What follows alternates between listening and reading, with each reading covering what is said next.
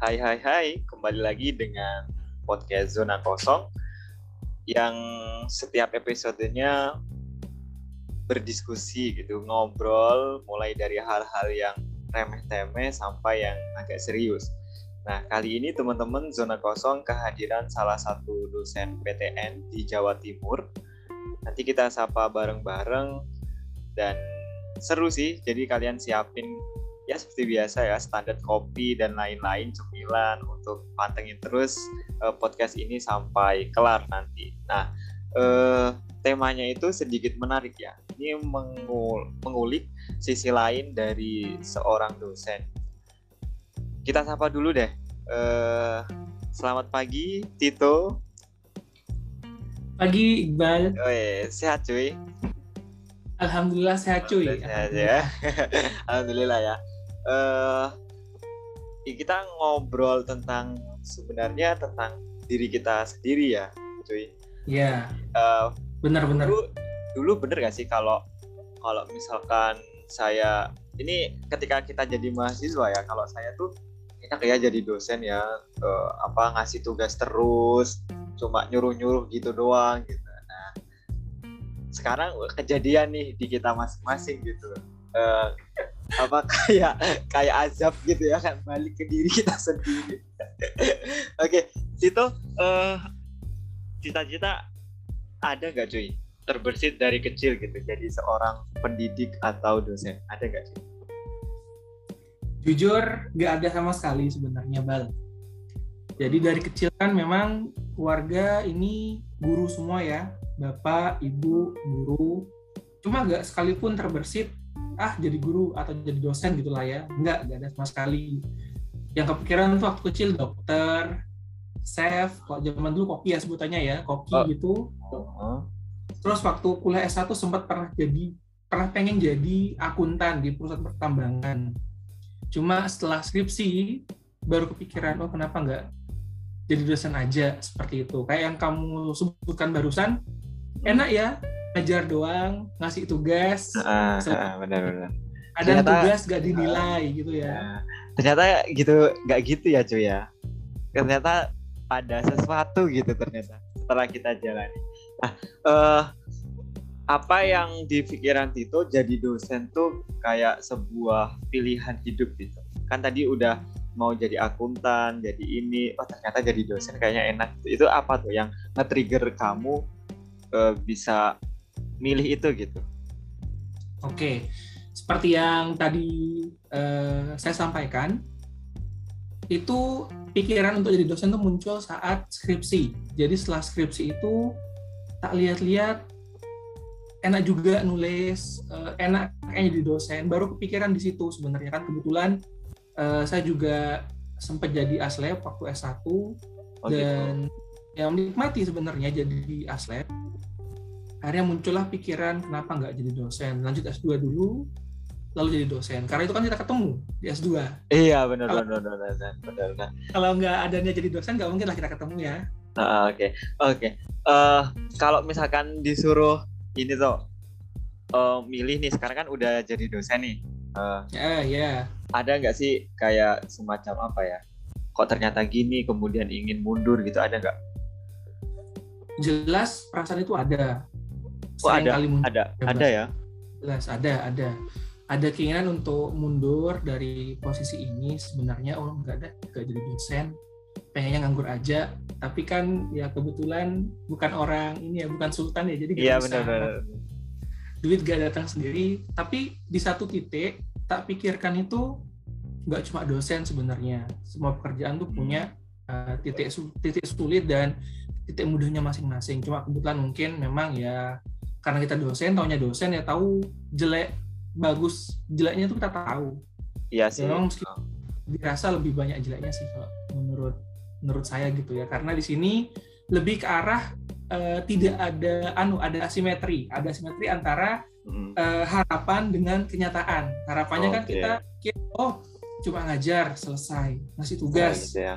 koreksi ternyata nggak nggak sebatas itu. Jadi buat teman-teman ini ya yang mau jadi dosen silahkan pikirkan dua kali. Ingin pingin apa ya pingin uh, full di dosen pingin mengabdi untuk mencerdaskan anak bangsa mending dipikirkan lagi. Jadi dosen itu uh, gak mudah. Satu tridharma ya bal ya? Ya benar benar benar. penelitian juga pengabdian.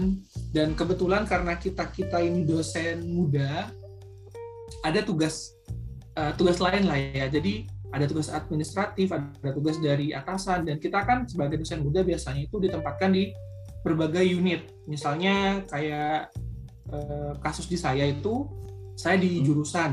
Ya kerjain beberapa uh, tugas dari jurusan. Ada event-event tertentu dosen muda yang uh, dijadikan ini dijadikan panitia. Meskipun dosen senior juga masuk ke panitiaan kebanyakan yang handle dosen muda biasanya gitu. oh, jadi nggak hanya ngajar terus nyiapin materi gitu ya ternyata di di sisi lain kita juga apa ya dapat semacam tugas tambahan gitulah ya eh, di luar yeah. tugas pokok kita tridharma itu tadi. Nah, uh, tapi awal-awal jadi dosen tuh kita udah berapa lama jadi dosen? Ini tahun ketiga alhamdulillah, jalan tahun keempat. Hmm, jalan tahun keempat, jadi udah ada. Bisa diceritain nggak kelas pertamamu seseru apa? Kelas, kelas pertama. pertama ya? Uh, nanti aku ceritain kelas pertama biar kita sama-sama. Oke okay, siap siap. Oke, okay. nggak ada yang spesial sih bal sebenarnya. Kelas pertama itu masuk jadi uh, ceritanya saya gantikan dosen senior. Dosen senior ini hamil, jadi ingin cuti hamil, akhirnya kelasnya dialihkan ke, ke diri Kubal. Ya. Itu di di perguruan tinggi yang sekarang atau ada sebelumnya atau gimana? Yang sekarang. Jadi sempat oh, gitu. awal tuh dosen, awal tuh dosen kontrak, kemudian ada pembukaan CPNS ikut, alhamdulillah lolos seperti itu. Nah jadi uh, pertama-tama itu masuk beliau ngajar, dosen Tony ngajar satu pertemuan itu perkenalan ini loh Pak Tito dosen baru dan lain sebagainya. Tak lihat oh ini kelas angkatan atas semester 5 kalau nggak salah waktu itu. Hmm. Ya alhamdulillah awal-awal tuh agak kagok sebenarnya. Nggak ada yang lucu sih sebenarnya, nggak ada yang lucu sama sekali. Lebih ke arah uh, nervous di depan orang-orang baru kan. Ya, ya. ya uh, di ini di depan orang baru tuh nervous biasanya meskipun aslinya galak gitu ya iya iya aku tahu banget itu jadi gitu ya udah nggak ada uh, sesuatu yang ini yang kamu inget yang unik gitu. Kalau saya ada soalnya tuh. Gimana? Kalau dirimu gimana? Kalau kalau aku tapi aku lupa ya nggak. Karena ini kalau di di tempatku itu kan nggak ada yang kayak uh, apa ya dosen gantiin dan kayak gitu. Jadi saya memang diplot untuk ngajar kelas tertentu gitu loh. Nggak nggak hmm. terusin dosen dosen dosen lain gitu. Nah waktu itu inget aku pagi-pagi ya kelasnya uh, nervous sama kayak Tito. Jadi tapi jadi gini ketika masuk kelas tuh anak-anak tuh pada diem gitu. Ini siapa? gitu loh. Kita kan apalagi ah, saya ya dengan postur tubuh seperti ini gitu. Jadi ini, ini siapa? gitu tahu-tahu di depan gitu. jadi dia diem semua dulu kayak lo siapa? gitu kayak gitu gitu terus berjalanlah sekitar 15 menit cuy aku colok lah tuh uh, laptop ke proyektor kan. Eh, oh nggak apa yang terjadi? Berasap cuy. Meledak cuy. Oh, jadi aku itu laptop kapan itu kok bisa meledak itu? Nggak tahu ya itu karena apa? Padahal kelasnya kalau kalau dibilang tuh nggak nggak siang-siang banget ya. Jadi awal-awal pagi itu loh kayak jam sepuluhan gitu Jadi, mungkin ya? iya benar kayak histeris gitu semua. Ya Allah ini pas pertama aku kok meledak LCD-nya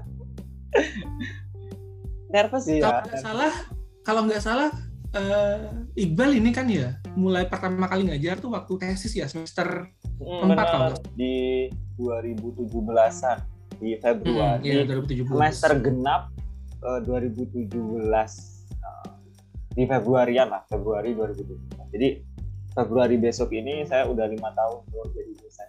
Iya, dirimu lebih senior daripada diriku ya. Iyalah, uh, kamu harus berguru ke saya nih. Eh, siap siap.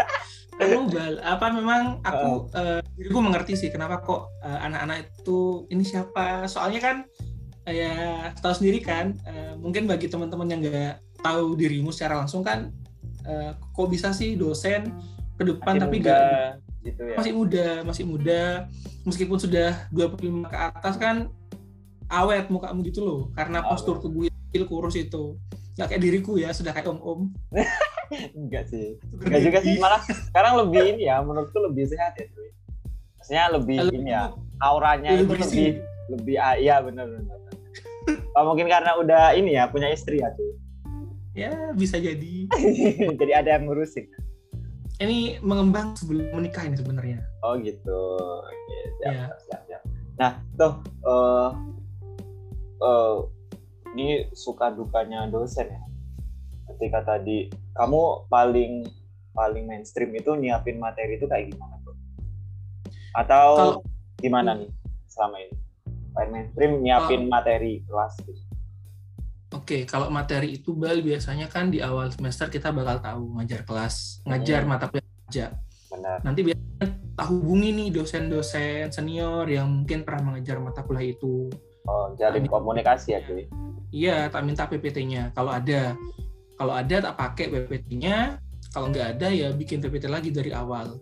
Tapi biasanya untuk mata kuliah tertentu ini sih harus baca-baca dulu. Terutama mata kuliah hitungan kayak akuntansi biaya, statistika. Kalau kayak mata kuliah kayak sistem informasi manajemen, sistem informasi akuntansi, SPPM, komunikasi bisnis, eh, mungkin lebih Teoritis teori. ya. Oh, Mm, jadi tak baca dikit aja.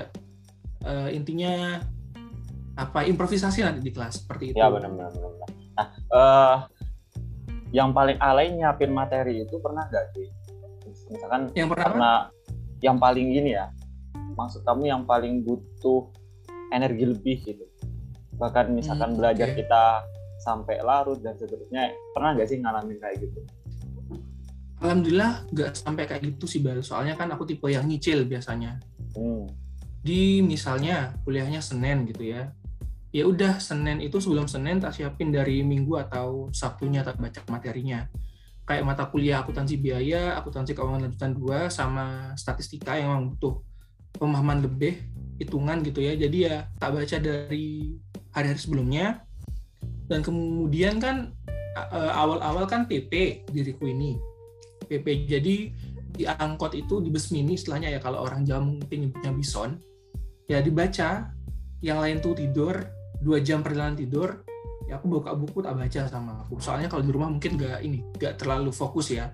Akhirnya di jalan belajarnya. Jadi kayak gitu aja sih gak pernah benar-benar sampai begadang untuk nyiapin materi. Yang je begadang itu biasanya bikin PPT-nya soalnya ini sih kalau aku pribadi kurang Tipe suka yang- bikin PPT Oh Mm-mm. gitu. Nggak kayak video dulu ya ya. kan Uh, perfeksionis gitu ya, cuy. Uh, nggak nggak tahu nih, berwarna nggak tahu sih gitu ya. PPT-nya video kan berwarna gitu kan. iya Seru gitu kalau dilihat. Kenapa tuh nggak nggak suka PPT itu? nggak suka bikin PPT itu karena ya mungkin ada sisi perfeksionis yang pernah yang kamu katakan yang kamu katakan barusan jadi kok kurang bagus ya misalnya eh, kurang cocok atau gimana jadi untuk perintilan kecil tuh aku permasalahkan biasanya Oh gitu. kurang cocok atau Hampir mana sama template sih. yang paling bagus kayak gitu Ah, jadi hampir malas sama sih. bikin kayak hampir gitu sama. Ah, hampir sama. Jadi mending Eh, iya terima jadi gitu ya tapi kalau Kadang kalau aku pribadi sih ini kalau pakai punyanya orang tuh kadang nggak ngerti alurnya gitu. Walaupun materinya sama, kadang tapi kita kalau PPT yang saya buat tuh kadang kan cuma poin-poin tuh. Jadi kalau misalkan orang Mm-mm. pakai kan kasihan gitu kalau nggak ngerti maksudnya gitu. Kadang cuma eh apa ya satu kata di gitu satu saya satu kata doang. Nah, kasihan do kasihan ya kalau kalau yang nggak ngerti gitu materi. Kalau saya sih mending kalau saya bikin sendiri sih cuy cuma gitu kadang satu PPT itu memakan waktu hampir 6 jam kalau Mm-mm, bener. Kadang kita mikir ini materi perlu disampaikan enggak ya. Kemudian kalau perlu disampaikan mau sepanjang apa, perlu dikasih terangan tambahan enggak. Soalnya kalau diriku itu bal eh, enggak benar-benar poin-poin. Ada sedikit eh, pengertian atau apalah nanti tak jelaskan lebih jauh waktu di kelas. Eh, jadi seperti itu. Jadi dibikin, jadi mikirnya tuh ini tak masukin nggak ya? Kalau dimasukin mau seperti apa? Kalau poin-poin nanti pakai template yang seperti apa? Soalnya kan diriku pakai template yang sudah jadi biasanya. oh iya paham download Nah, itu kan ya Berapa download itu. Ah, Jadi kan ada macamnya misalnya kayak gini di template-nya itu ada empat poin tapi kan kita mau nyampaikan lima poin itu kadang mikir lagi tuh duh gimana ngakalinya beda di lima? Akhirnya kan bikin sendiri kadang itu butuh waktu lama kalau diriku sih. Ribetnya di situ kadang. Jam-jaman juga gitu 6 jam gitu. Uh, di kalau aku sih ini kan capek-capek. Jadi dua jam dua jam atau sejam sejam. Oh gitu. Kalau aku sih lebih lebih kayak maraton gitu. Jadi punggung sakit gitu kayak sampai karena enam jam tuh kadang ini sekali fokus gitu ya udah jangan ganggu gitu. Nanti, nanti malas lagi kalau mulai kalau saya tuh. Iya sih anu beda ini ya kita beda style kerja mungkin. Kalau oh. kamu kan bisa ini salah fokus sampai selesai. Kalau aku cepet capek bal. Jadi uh, aku ini tipe orang yang konsentrasinya tinggi tapi cepet burn out oh gitu. Makanya sejam dua jam maksimal udah. Kalau belum selesai uh, tak lanjutin. Jadi nyicil gak yang SKS gitu Oke, uh, sekarang ngomongin suka dukanya tuh, uh, ada nggak pengalaman yang paling apa ya nggak enak gitu yang kamu rasain di kelas? Misalkan apa gitu kan anak-anak tuh kadang nyeletuk apa gitu, pernah nggak? Mm -mm. Oke. Okay. Dapat pengalaman yang nggak enak gitu di kelas? Ada ada bang ada. Hmm, kayak gimana? Uh, Boleh diceritain ini... atau gimana? Ah, tadi aja aku aman aman. Oke oke oke. Jadi gini, uh, kita kan juga uh, ini ya meskipun dosen ya nggak kadang kita agak dihormati dan lain sebagainya. Kalau di akuntansi, alhamdulillah mahasiswanya baik-baik.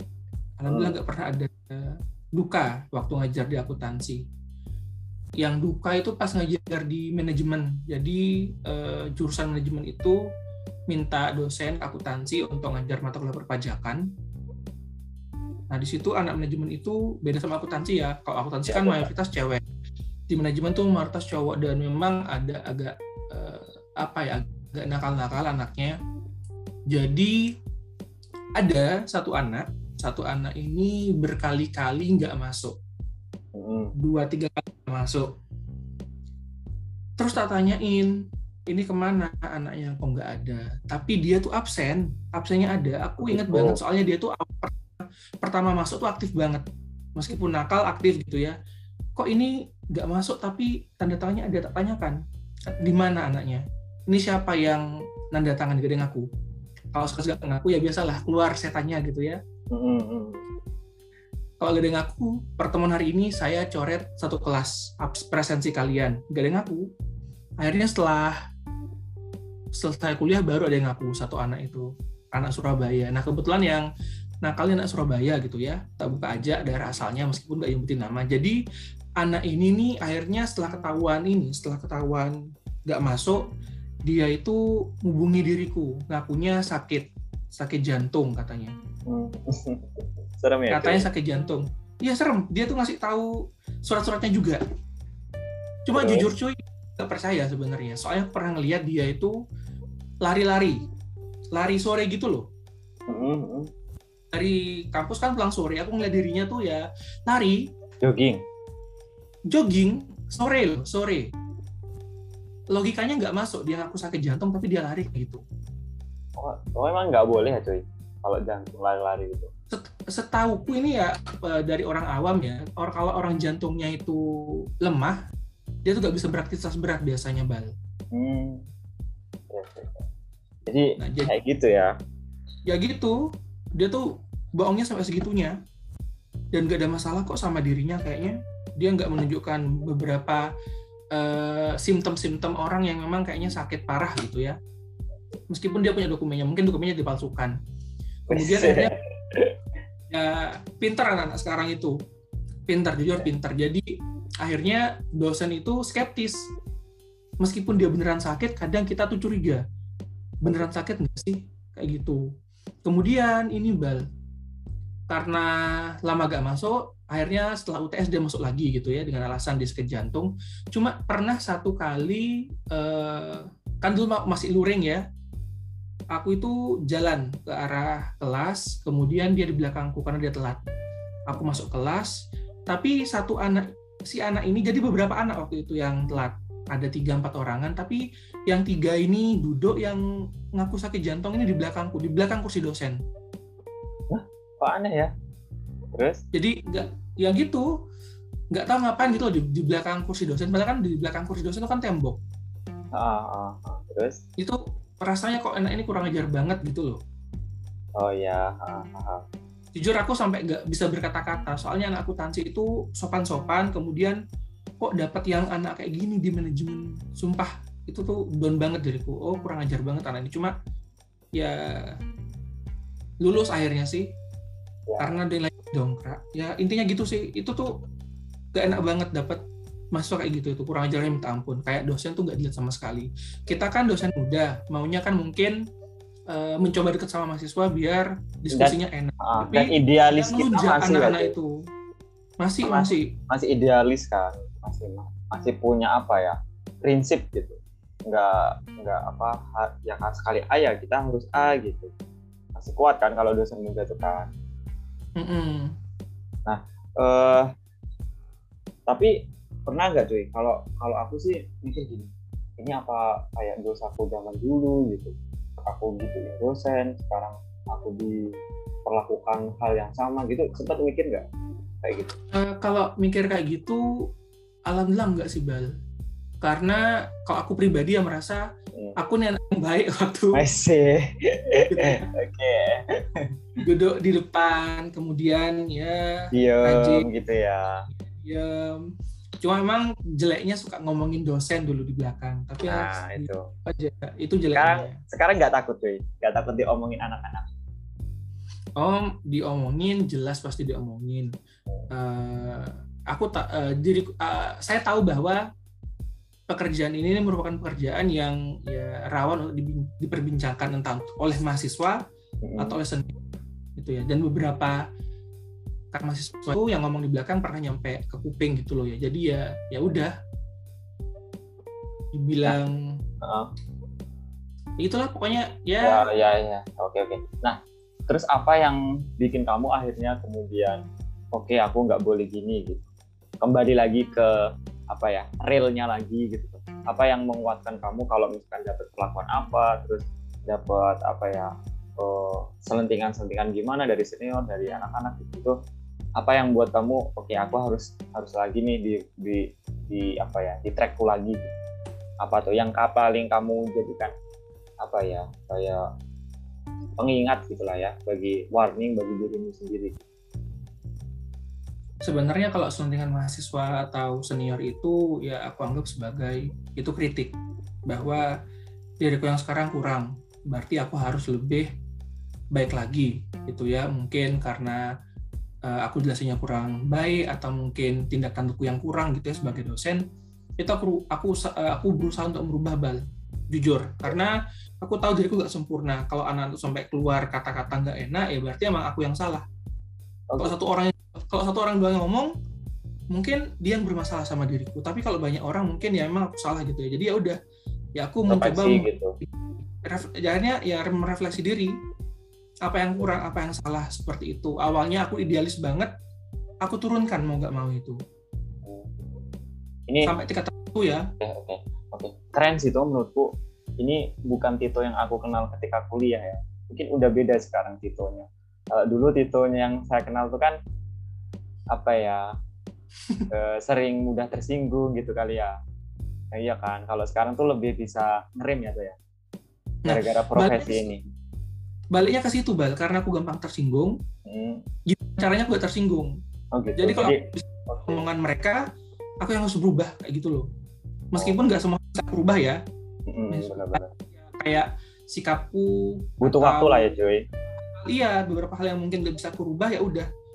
Aku biarkan waktu yang berubah gitu ya kayak aku yang tersinggungan ya ya udah kan gini ya intinya kan kita kerja itu kan gak mungkin 100% benar di mata orang. Ada yang Benar, benar. pun kita benar gitu ya. Ya benar. Karena orang suka itu apa pun yang kerjaan kita lakukan meskipun benar kadang di mata mereka salah. Mm-mm. ada aja yang kurang. Ya udah jadi kuping kita yang ditebelin gitu ya kayak gitu. Dan aku juga ber- berusaha menghindar dari senior-senior seperti itu. Kalau dosen muda alhamdulillah kita kompak lah ya. Senior sih biasanya Oh gitu. Jadi ya nggak nggak hanya itu di mana-mana sih ya ya orang kayak Mm-mm. gitu ya. Misalkan nggak suka dengan kita dan seterusnya dan kita nggak mungkin maksa mereka gitu ya untuk apa ya setuju dengan setiap tindak tanduk kita dan seterusnya. Nah, uh,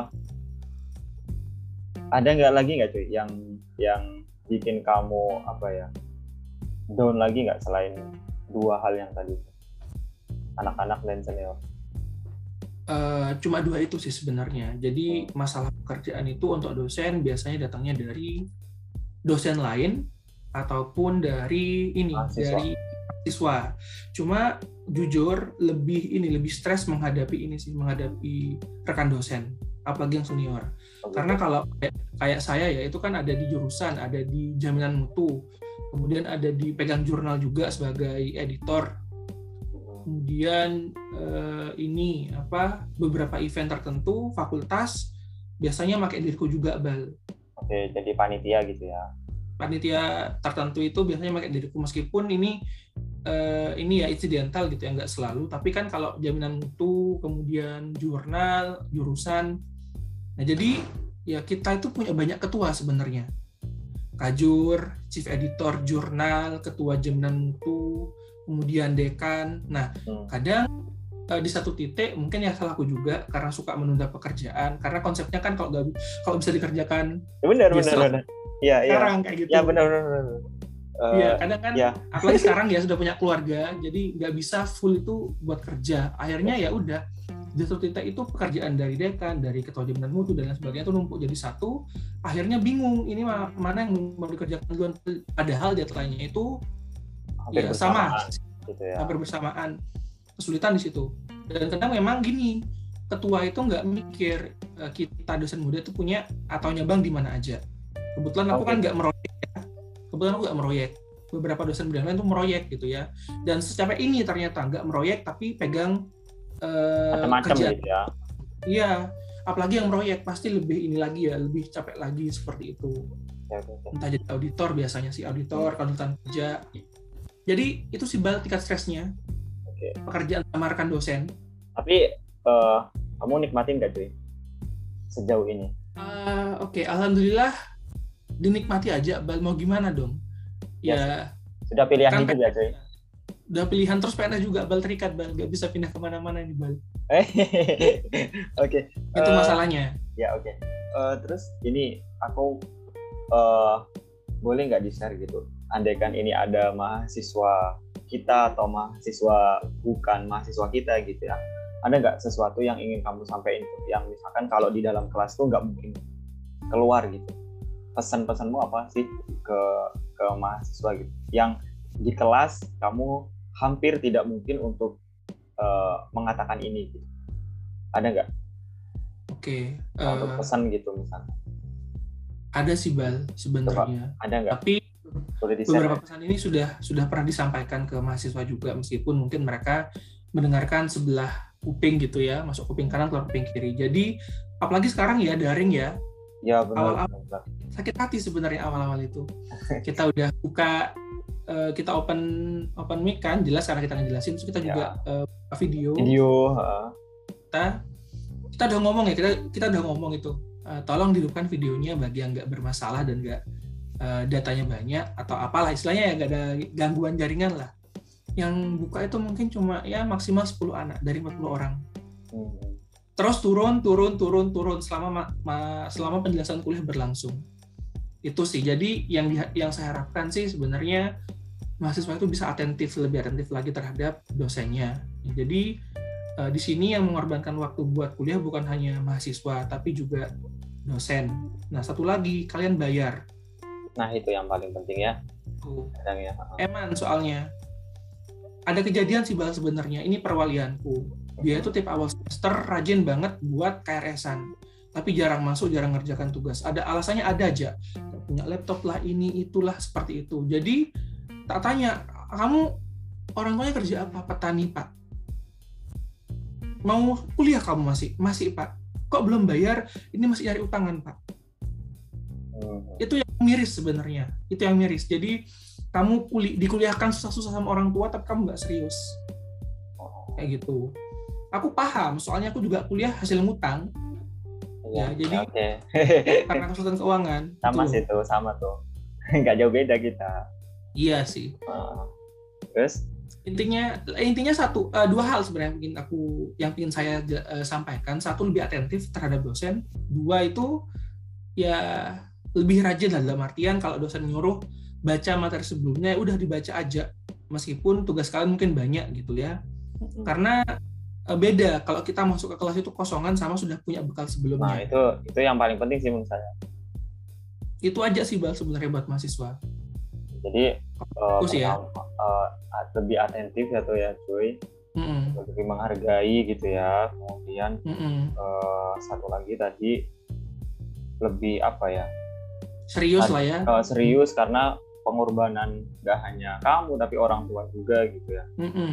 uh, kemudian zaman milenial itu kan kadang apa ya jadi dosen muda apalagi kita kan saya seperti saya pribadi sih uh, punya prinsip gitu bahwa aku nggak boleh jauh dengan anak-anak. Anak-anak nggak boleh ngerasain lagi apa yang dulu pernah saya alami gitu. Misalkan uh, masuk kelas serem dan seterusnya kayak gitu itu gitu juga sih kamu tuh? Iya aku juga gitu sih. Jadi awal-awal tuh idealis banget kan bal? Telat. Keluar. Kemudian tulis ngerjain coret gak ada kesempatan lagi gitu ya. Sekarang sih ini sih lebih makin ke sini makin ke sini itu kan kita bisa melihat bahwa karakter mahasiswa yang sekarang dengan kita dulu sebagai mahasiswa beda. Ya sih. Beda banget. Jadi anak sekarang itu gak bisa dikerasin memang kalau ya, menurutku loh ya. Iya. Gak bisa dikerasin dikerasin itu semakin menjauh. Jadi ya udah tarangkul aja. Jadi uh, di kelas ya aku slow gitu ya dalam artian uh, monggo chat pasti saya balas dan aku berusaha eh, saya berusaha untuk membalas chat mahasiswa secepat mungkin. Nggak pernah telat lebih dari sehari gitu ya. Hmm. kayak gitu. Meskipun kadang ini ya kadang nggak tahu waktu ya tabel saja cuma tak ingetin lain kali jangan chat jam segini kayak itu yes. Ini ya kita ini ya kita nggak bersikap seperti dosen kita dulu. Yang kayaknya ngasih jarak ke mahasiswa. Hmm, mahasiswa saya dosen nggak seperti itu. Kita sekarang mungkin lebih ke arah saya dosen kamu mahasiswa tapi ya kalau Tara bisa gitu lah ya.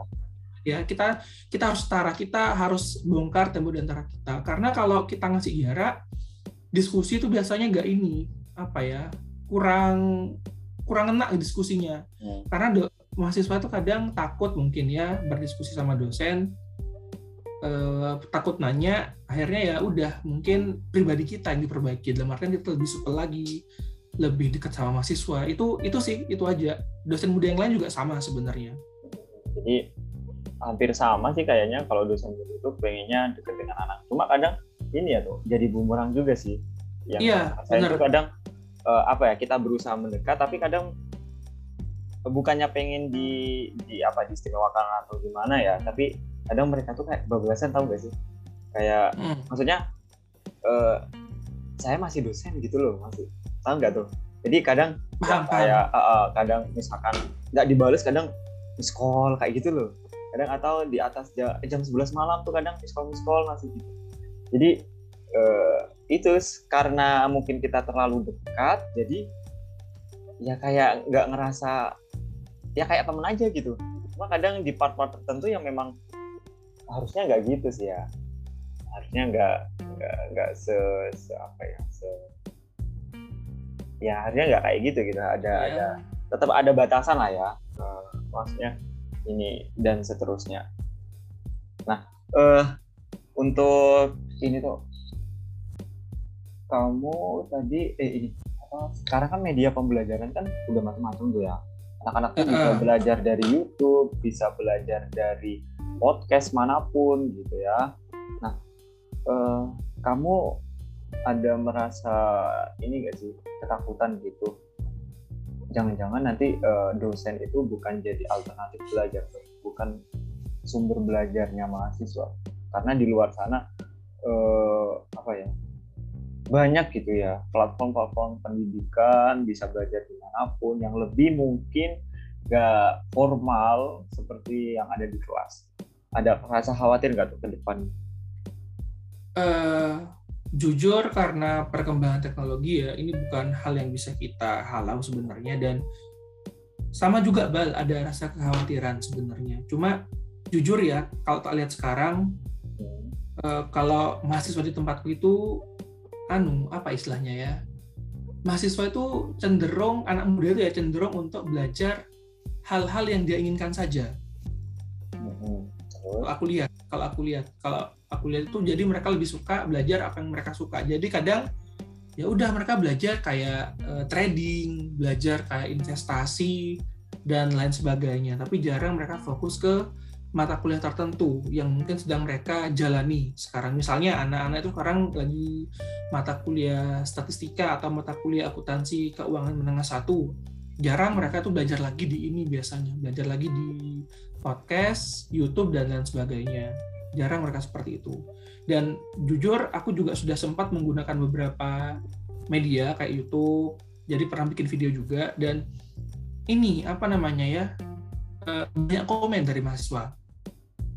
Komen? Diri komen. Jadi aku kan ketua jaminan mutu eh ketua jaminan mutu sorry.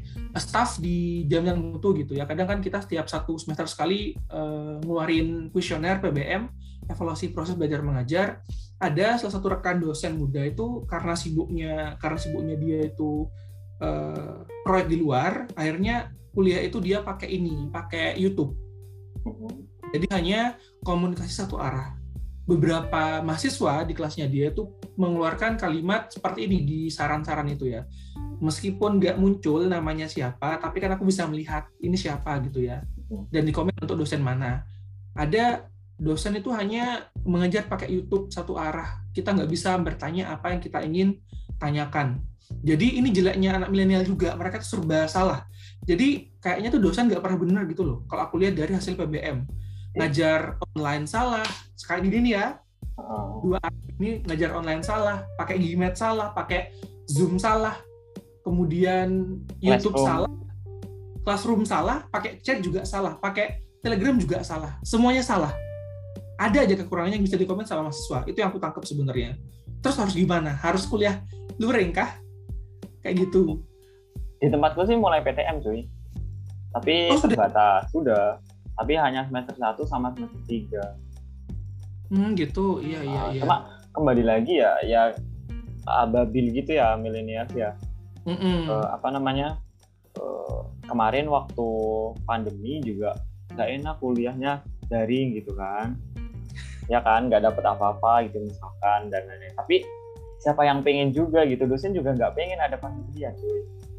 Iya bukan bener. salah kita juga gitu bukan salah kampus juga yang jadi ini pandemi memang musibah gitu. Kemudian sekarang udah ada PTM mereka nggak mau cuy. Belajar nah, luring. Nah itu itu pengennya, itu masalah juga itu. pengennya dari jadi bingung kali ya jadi kampus tuh ya. Manajemen kampus jadi bingung ya. Kemarin iya. uh, protes-protes minta luring ya. Sekarang diluringin uh, apa mintanya dari gitu. Iya. Jadi anak-anak ya. punya anak-anak punya siklus. Sebenarnya punya siklus. Awal-awal daring itu mikirnya aduh gak enak materinya nggak sebanyak yang bisa kita tangkap waktu kuliah luring. Itu satu. Tapi uh, semasa mereka kuliah daring mereka tuh makin merasa aduh kayaknya ini emang batas batas transfer ilmu yang bisa mereka dapatkan. Akhirnya mereka menyerah dalam artian mungkin ya udahlah harus didengerin. Atau mungkin mereka bisa mengerjakan hal lain di luar kuliah saat kuliah daring makanya mereka akhirnya di satu titik mendapatkan uh, satu kesimpulan bahwa oh nggak deh enakan daring. Kok bisa daring kenapa luring? Kayak gitu. Itu pikiran mereka.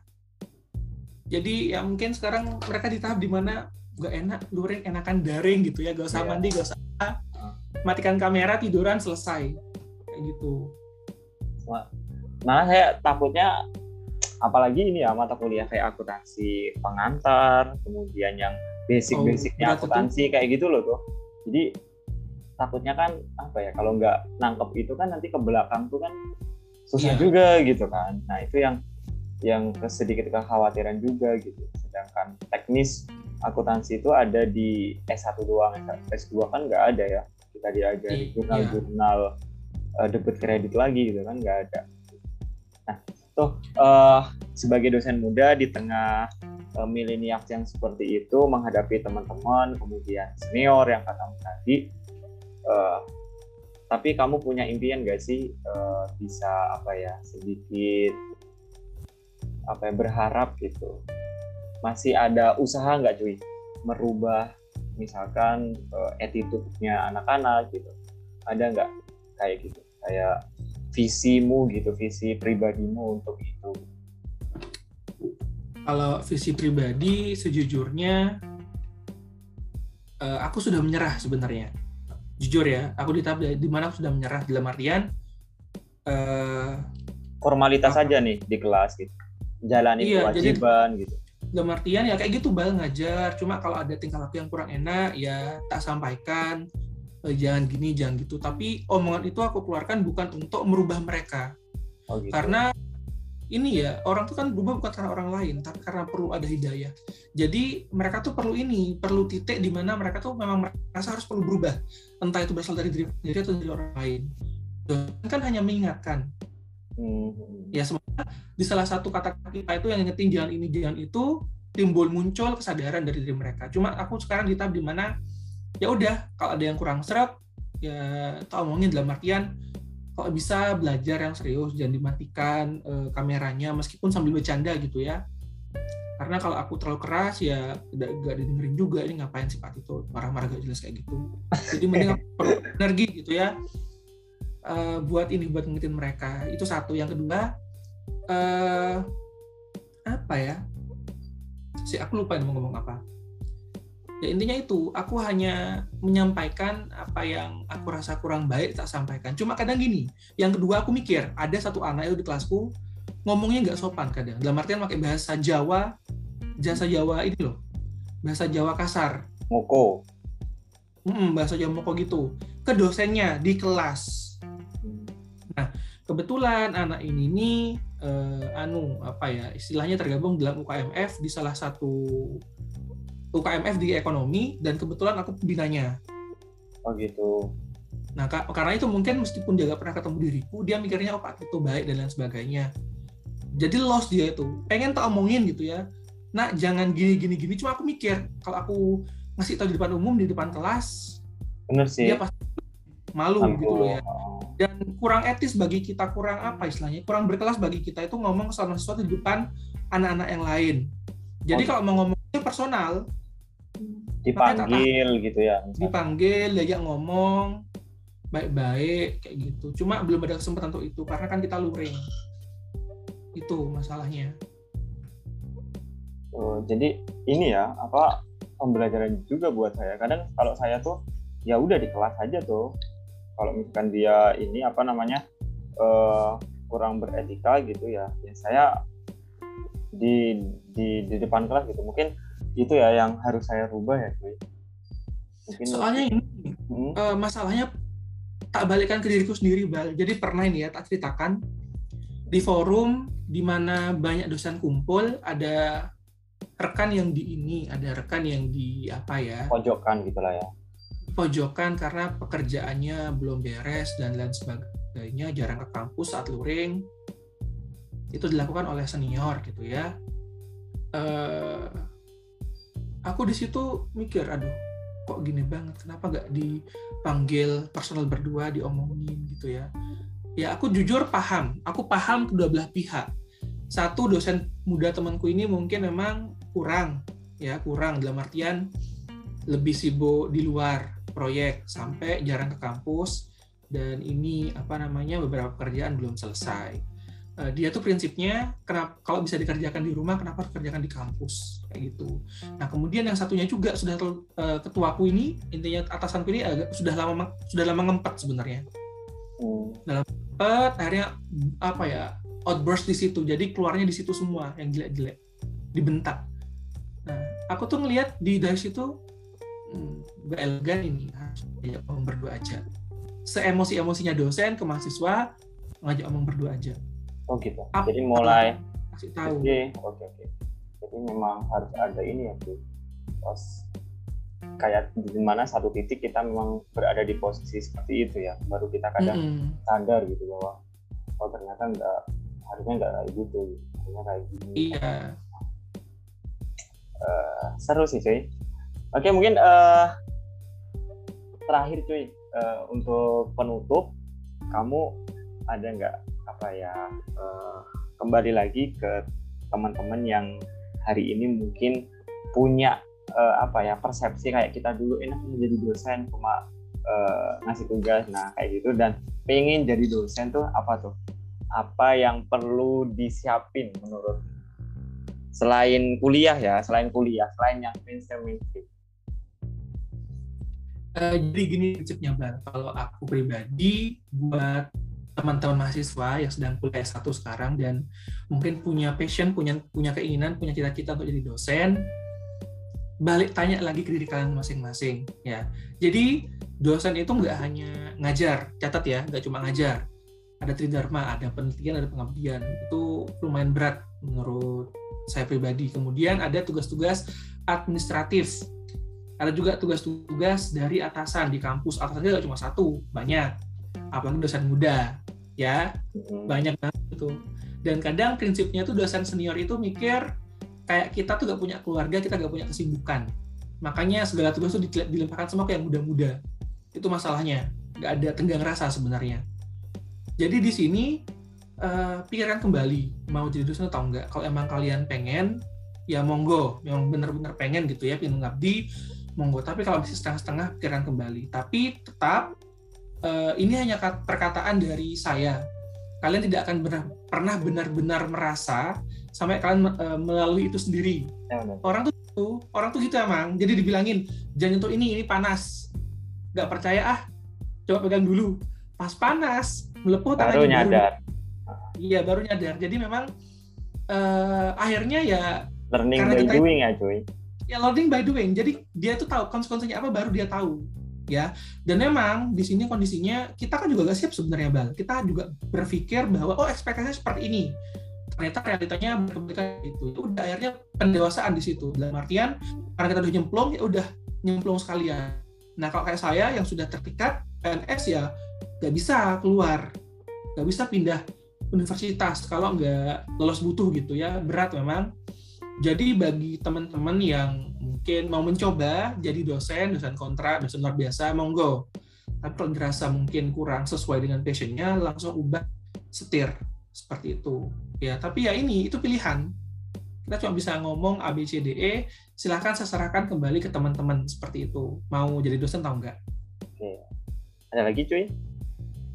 Itu aja sih Bal. Kalau dari saya sih ini ya cuy.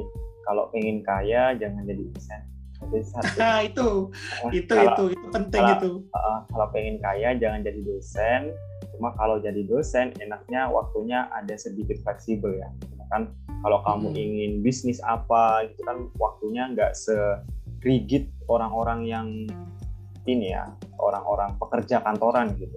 Iya. Yeah. Uh, kita masih punya waktu lah ya untuk hal-hal yang semacam itu. Jadi semangat teman-teman. Tapi ada ya. ada kurangnya bang. Tambahin dikit ya sebelum ya, ya coba coba coba ini baru kepikiran barusan uh, jadi meskipun jam kita fleksibel tapi sebenarnya nggak nggak sefleksibel itu karena yeah. kita mungkin ajar sejam dua jam setelah itu kosong kan itu pikirannya mahasiswa tapi yeah. enggak kita BPT lah, ngerjain penelitian, pengabdian, tugas dari dosen lain dan lain sebagainya. Dan bener katamu, jangan jadi dosen kalau pengen kaya. Kalau ada yang ngomong dosen tuh enak, gajinya 10 juta ke atas, itu bohong. Ya. Itu berlaku untuk beberapa perguruan tinggi yang sudah BLU atau PTNBH. Untuk yang saker dan lain sebagainya itu belum belum sampai situ biasanya. Karena itu banyak yang swasta swasta ya cuy. Iya. Oke. Okay. Uh, ya itu ya teman-teman ya. Uh, pikirkan kembali kalau mau jadi dosen, kalau masih belum passion ya putar balik lah ya biar kita aja yang udah kandung buntung ini ini ya apa ya berpura-pura bahagia gitulah ya. Ya semoga bahagia beneran gitu ya ya amin amin. Nah, tapi mudah-mudahan apa ya capek kita masuk kelas gitu ya kemudian apa pun yang kita perjuangkan demi anak-anak itu demi lembaga demi anak-anak semoga dinilai ibadah ya tuh karena hmm. kalau misalkan kaya tadi udah ini enggak kemungkinan gitulah ya eh, nggak nggak tercapai melalui jalan yang kita pilih ini ya mudah-mudahan di sanalah nanti uh, pembalasan yang lebih baik gitu ya. ya benar uh, benar banget. Oke okay. oke. Okay. Uh, terima kasih teman-teman yang masih mendengarkan podcast zona kosong. Uh, jangan lupa follow IG uh, kami di @zona_kosongku dan kalau ada Spotify di HP kalian jangan lupa di follow ya zona spasi kosong dengan Z dan K-nya besar. Itu ada Instagram nggak cuy? Ada sih, tapi Oh ya, oke oke oke oke. Ayo nggak pernah posting, jadi ya cuma segitu aja sih postingannya. ya sama, sama saya nggak Iya. pernah. Eh, saya nggak pernah. Mungkin postingan terakhir setahun yang lalu. Postingan terakhir tiga tahun tiga tahun yang lalu. Eh, Oh tiga tahun. yang ya. Lebih lama ya cuy. lebih lama. Terima kasih tuh waktunya. Eh, semoga sehat. Salam sama keluarga. Semoga sehat semua ya cuy. Ya, Eh, ya. tetap Makasih, Bal. bahagia eh, menjalani profesi ini gitu ya. Nanti kita Amin. eh, mudah-mudah belum sempat kolaborasi ya cuy. Jadi mudah-mudahan belum eh, sempat. eh, kolaborasi di bidang kita gitu. Oke, terima kasih cuy. Eh, semoga menambah wawasan yang dengerin dan ya semoga kita nggak ini ya nggak distigmakan jelek-jelek lagi gitu ya. Iya. Oke, terima kasih cuy. Eh, mungkin itu Ya. teman-teman dari podcast zona kosong.